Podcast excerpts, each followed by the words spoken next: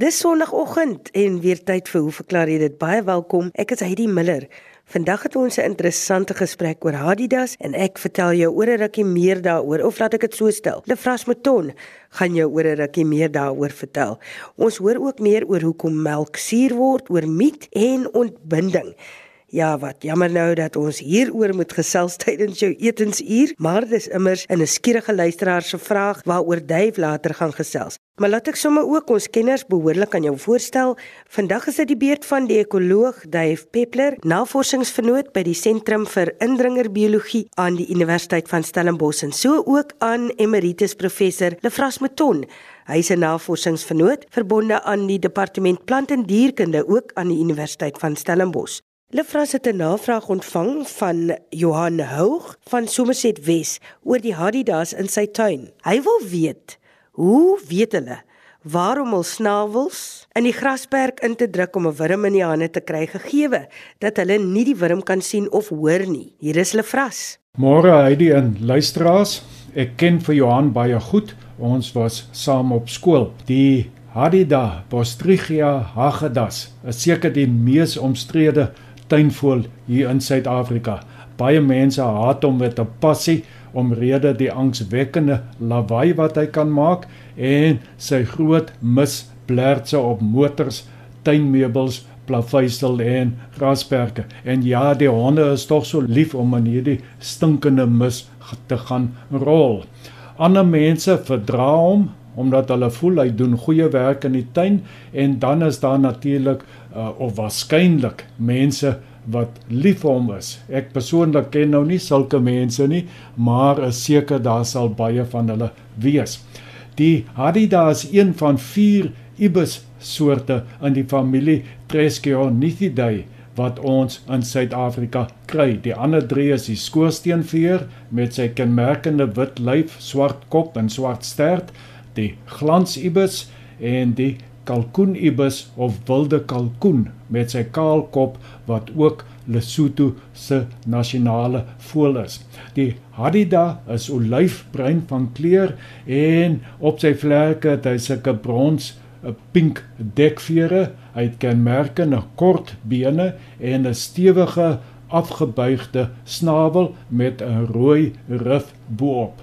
Hy kom voor in Sub-Sahara Afrika en in Suidelike Afrika is hy grootliks afwesig in die droër westelike dele van die Noord-Kaap, Namibië en Botswana waar hy aanvanklik beperk was tot die klam oostelike en suidelike kuszones van Suid-Afrika het besproeiingspraktyke en die skep van tuine en golfbane daartoe gelei dat die Hadida se verspreidingsgebied uh dramaties vergroot het sê so oor die laaste 50 jaar waar hy in die klam kuszones 'n natuurlike habitat naby strome, riviere en oop veld sal voorkom, is hy dan nou in die meer droë areas beperk tot voorstedelike tuine en besproeiingsgebiede. Uh, Hadidas se dieet bestaan uit aardwurms, slakke, spinnekoppe, insekte en selfs akedisse en paddas. Dit is ook bekend dat hulle hondekos uit honde se kosbakke sal steel. Dit is dan nou juis die eet van aardwurms waarop ons vanoggend fokus. Hoe weet die Hadida waarom sy snavel in jou grasperk in te druk om 'n aardwurm te kry en as hy dan nou wel iets onder die grond met sy snavel teekom, hoe weet hy of dit eetbaar is of nie? Voëls in die algemeen het uitstekende sig en die meeste wat op die grond tussen blare van insekte en onder andere ook aardwurms jag maak van sig en gehoor gebruik om hul prooi op te spoor met sig die belangrikste van die twee die Jan Frederik en die luister sal byvoorbeeld vroegoggend op die grond rond beweeg op soek na kos af en toe tot stilstand kom en die kop skeef draai om beter te sien en te hoor. Vroegoggend as die grasperke of die grond bietjie klam is van dou, dan uh, kom die aardwurms ook na na bo. So hierdie voëls vang nie die aardwurms ondergronds nie, maar uh, op die oppervlak van die grond. Reuk speel geen rol in hierdie proses nie. Maar hoe doen die Hadida dit nou?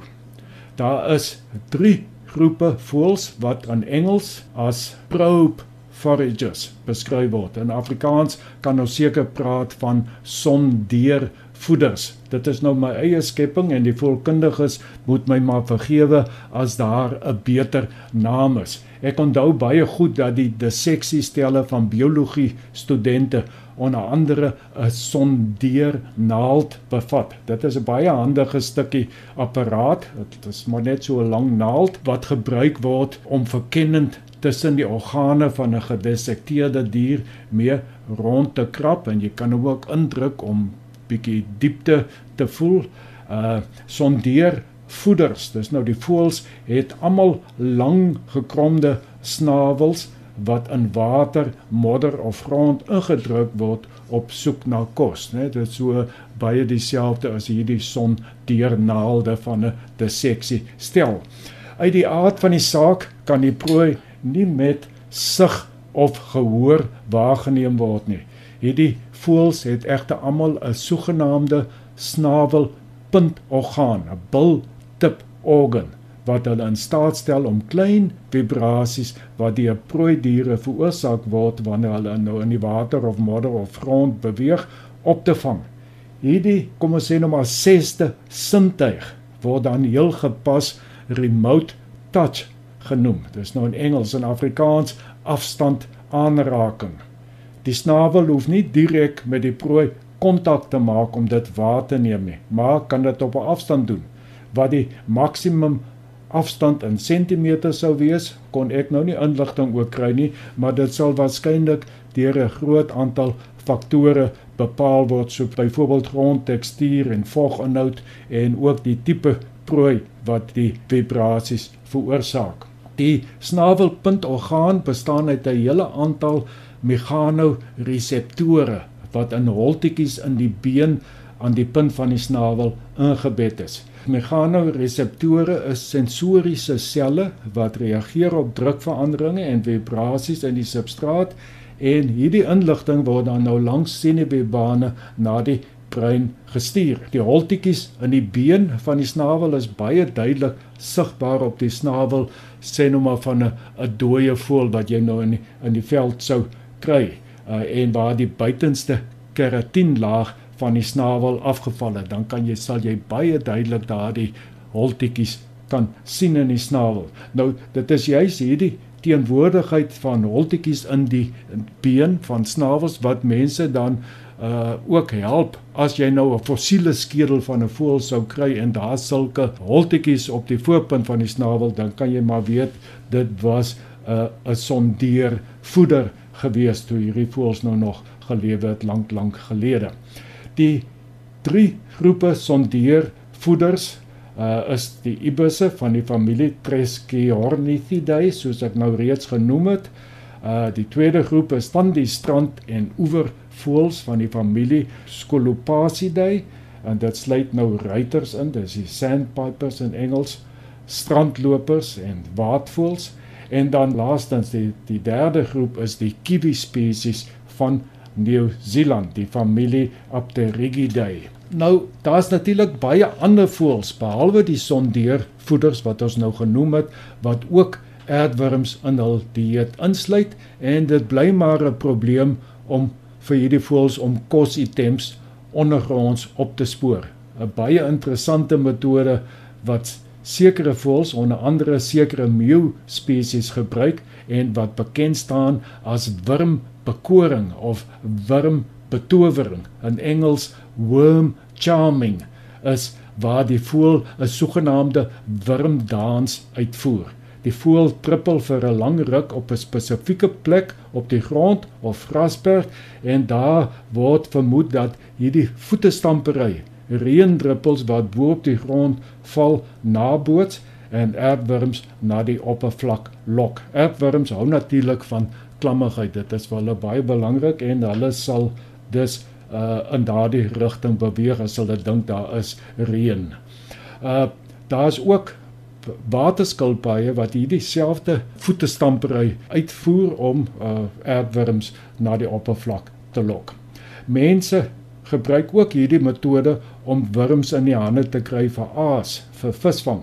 In sommige lande is daar selfs wurmbekoring kompetisies waarin baie mense deelneem. Allerhande vreemde maniere word gebruik om vibrasies daar by die op grondoppervlakte bewerkstellig om wurms na bo te lok. Die luisteraars kan gerus die woorde worm charming gaan Google as hulle meer oor hierdie interessante sport wil uitvind. So om op te som Johan, die Hadida se soektog na aardwurms op jou grasberg deur die lang gekromde snavel in die grond te druk is nie 'n suiwer mogge troffe affære nie. Die voorste deel van die snavel bevat sensoriese selle wat die voël in staat stel om fyn vibrasies in die grond wat deur aardwurms en ander grondlewende organismes veroorsaak word as hulle beweeg waar te neem. Die snavel kan dan in die rigting van die prooi beweeg word indien die grond dit nou sou toelaat of uitgetrek word en op die regte plek weer ingedruk word om die prooi in die hande te kry. Ja, in die proses gaan jy 'n paar aardwurms uit jou tuin verloor, Johan, maar die Hadida maak op daarvoor deur jou grasperk lekker te belig en ook deur van slakke en ander pestilensies in jou tuin ontslae te raak. Die mis is ook uitstekende bemesting, mits jy jou honde natuurlik kan weghou. Dankie Lefras en nou gee ek oor aan Dave Peppler wat jou meer gaan vertel oor 'n e-pos wat hy van Gustaf van Belwel ontvang het. Dave lees self sy brief voor. Goeiemôre Heidi, my kollegas en luisteraars, gegroet uit my huis in Stellenbosch. Van Gustaf in Belwel het ek 'n brief ontvang in e-pos wat so lees. Baie dankie vir julle program wat ek altyd so geniet. Dit is 'n groot plesier, Gustaf. En dan vra hy 'n hele klomp vrae en ek gaan hulle probeer almal behandel in hierdie uitsending. 1. Hoekom word melk suur? Dan vra hy hoekom neem UHT, ultra high temperature geproseserde melk langer om suur te word? watter een van UHT of gewone melk is gesonder vir menslike gebruik. Dan spring hy na gestoorde kos en sê as 'n mens kossoorte soos meel of ontbytpap te lank stoor, veral as dit nie verseël is nie, ontwikkel daar sogenaamde miet in. Waar kom dit vandaan? Miet is tog 'n lewende organisme. Het die meel of die pap dalk heeltyd lewende bestanddele of eiertjies of iets bevat? En dan 'n grillige laaste vraag wanneer 'n mens of 'n dier sterf, begin die liggaam ontbind en later is daar ook wurms in. Is dit dieselfde tipe proses wat hier plaasvind? Nou Gustaf, kom ons begin by melk. Melk per definisie is 'n voedingsryke stof, vloeistof wat deur die melkkliere van soogdiere afgeskei word um, en van daardie naam soog om te suig of soos ons in die Kaap sê te suiwe. Nou Die doel van 'n melkklier en hier sluit ons bikinis uit is om klein diere te voed voordat hulle ander voedsel kan verteer soos byvoorbeeld vaste soppe. Babas het nie tande nie, hulle kan nie 'n chop afkou nie. Met ander woorde, hulle moet moedersmelk kry. Die vroeë laktasiemelk bevat kolostrum en ons ken dit in in boeretaal as bies en hierdie uh, verdikte verrykte melk bevat natuurlik teenliggame van die moeder waarmee sy die baba dan inent om so te verhoed dat sekere siektes dan later in die kind se lewe ontwikkel. Met ander woorde, indien 'n mens kan, moet jy jou kind borsvoed. Dit is baie belangrik. Daar is sekere mediese toestande waar dit nie moontlik is nie, maar die ideaal is om daai baba vir 'n maand of 3 ten minste aan die bors te hê. Die die gebruik van melk deur die mens is so oud soos die beskawing self en is reeds opgemerk in baie uh, komplekse skrifte van Mesopotamië 7 tot 9000 jaar gelede. Nou melk is 'n verstommende komplekse uh, samestelling en bevat makroelemente soos kalsium, magnesium, fluoried, fosfor, jodium, sout en swavel en dan mikroelemente soos yster, koper, sink, jodium, weer eens uh, fluoried en krom. Met ander woorde, melk is 'n onsaglike belangrike deel van ons daaglikse voeding. Ehm um, as jy nie laktose uh, intolerant is nie, uh, om al hierdie belangrike mikroelemente en spoorelemente in te kry. Dit bevat dan ook vette, ons weet van volroommelk en afgeroomde melk, Vitamiene A, D, E, K en B, baie belangrike vitamiene veral D in die winter hier by ons in die Kaap en dan natuurlik proteïene. Dan is daar ensieme in die melk en dit is laktose en ook dan natuurlik 'n hele suite bakterieë. Uh en hierdie bakterieë wat normaalweg in die melk voorkom, is verantwoordelik om melk suur te maak as die proses eers begin en die laktose word dan na laktose suur uh, verander in die proses. 'n Aantal faktore uh, wat die proses kan versnel is temperatuur, hoe meer hitte daar in die omgewing is. Met ander woorde, warm weer sal melk gouer suur word as in koue weer. Ehm um, dan uh vuilhouers, ons weet dat higiëne absoluut belangrik is by die voorbereiding en verspreiding van melk. Daar is 'n vreemde invloed van weer en veral donderweer wat die wetenskap nog nie volledig verklaar het nie, maar ten tye van donderweer sal melk gouer suur word. En dan is daar natuurlik bakterieë wat die mens self kan invoer in die melk. En dan dink ons aan die bakterieë wat kefir wat die dit is die suurmelk wat die wat die Midde-Ooste so lief vir is. En natuurlik die alom bekende jogurt en dan is daar ook uh, lactobacillus um, wat ingevoer kan word om gewone suurmelk te maak. Nou die UHT melk met ander woorde ultra high temperature is waar melk vir 'n baie baie kort tydjie na 'n redelike hoë temperatuur. Ek dink is gewoonlik so in die orde van 70 grade gebring word, daar gehou word vir 'n baie kort tydjie en dan weer vinnig afgekoel word en dit vernietig hierdie bakterieë, die hele suite, die bakterieë wat natuurlik voorkom, wat in 'n vuile houer voorgekom het ensovoorts.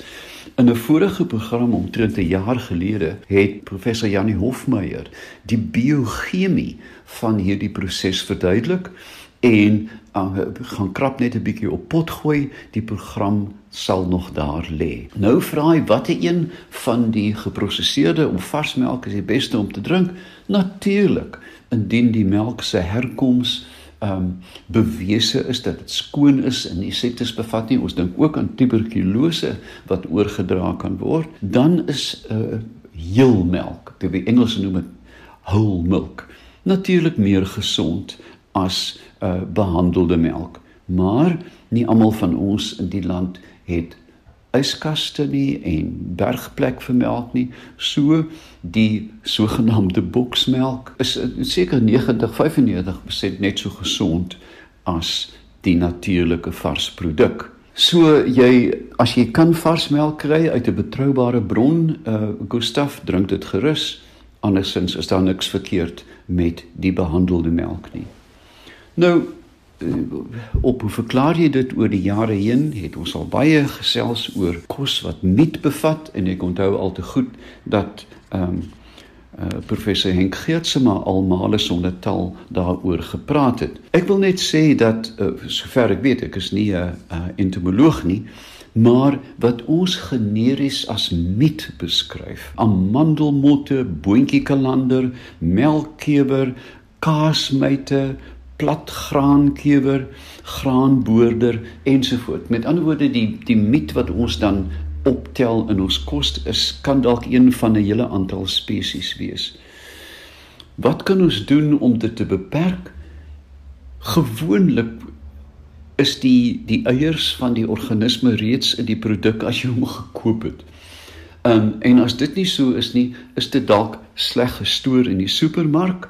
Um maar in jou eie huis dink ek is netheid, ehm um, algemene netheid en in in sindelikheid die antwoord om nie ergens in die hoek van die kas 'n halwe koppie uitgemorste meel te los of boontjies te laat los lê nie. So Begin deur jou kombuis ordentlik skoon te maak en dan het jy genoeg vriespasie kan jy natuurlik jou meel en boontjies en lensies kan jy vries dan sal dit die eiers van die organismes ook in die proses doodmaak. En as jy dit kook sal jy nou dit nooit weet nie want dan gaan nie voelers en pootjies in jou produk wees nie.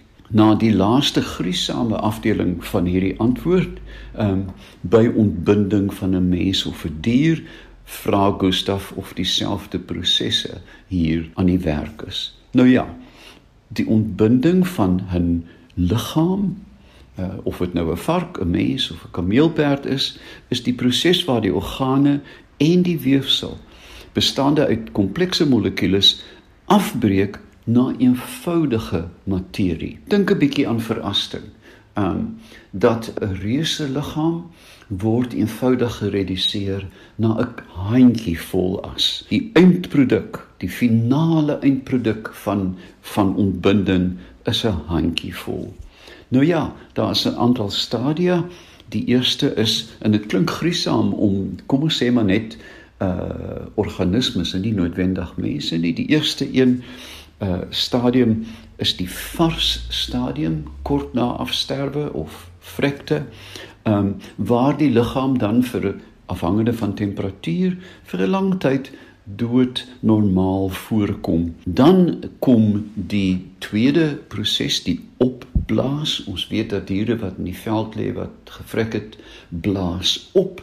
Hulle verdubbel byna in grootte. Na die opblaasproses kom die aktiewe verrotting en dan met tyd al wat dan oorbly is die skelet gewoonlik as dan nou nie uh, diere is wat dit wegdra nie, um, met 'n paar seunings en miskien dalk 'n bietjie vel in die vars proses is die eerste tasbare bewys van sterftes alger mortis waar die temperatuur dan die omgewing temperatuur aanneem. Met ander woorde die kerntemperatuur van 'n liggaam kan vir etlike ure selfs 'n dag warmer as die omgewing wees en forensiese uh, navorsing meet dan kerntemperatuur oh, by 'n vars liggaam om te bepaal hoe lank dit dood is. Dan is daar rigor mortis. Die ken ons almal waar die liggaam verstyf, ledemate kan dalk oplig en die hele liggaam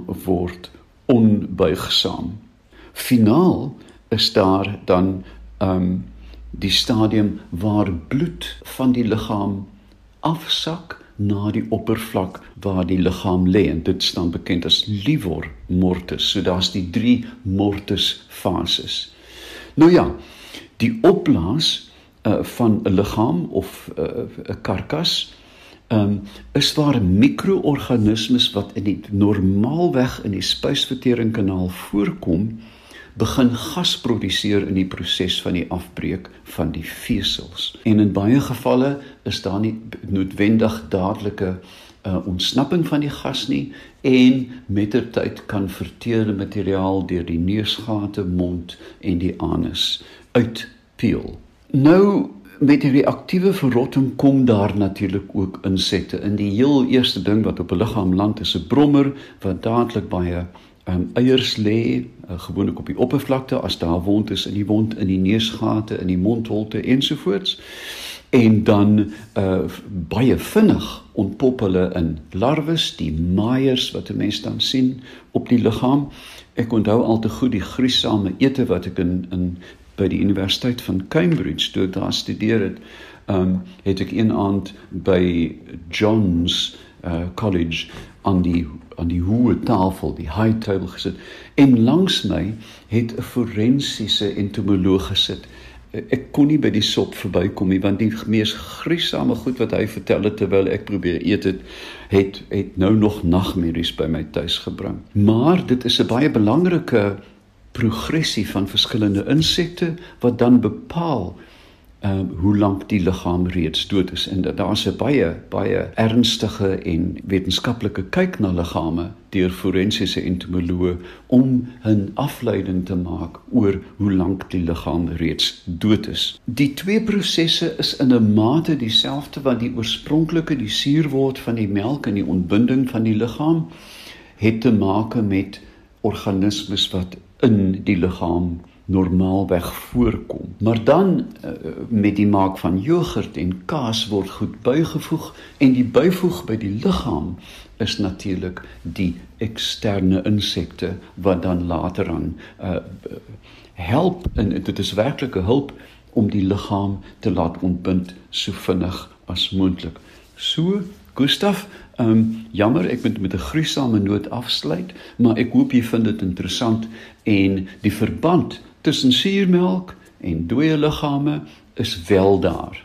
Dankie Dave Peppler en baie dankie ook aan Emeritus Professor Lefras Mouton wat vroeër gesels het oor Adidas. Gaan laai ons program gerus af. Jy kan gaan na ons webtuiste rsg.co.za en daar gaan klik jy op potgooi.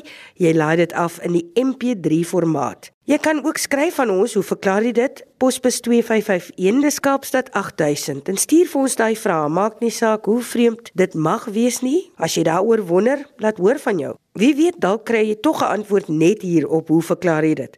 Aanstaande week sit Yuri van den Heever en Hendrik Geier gereed om jou vrae te beantwoord. Van my Heidi Miller en die hoe verklaar jy dit span groetnis. Tot volgende keer.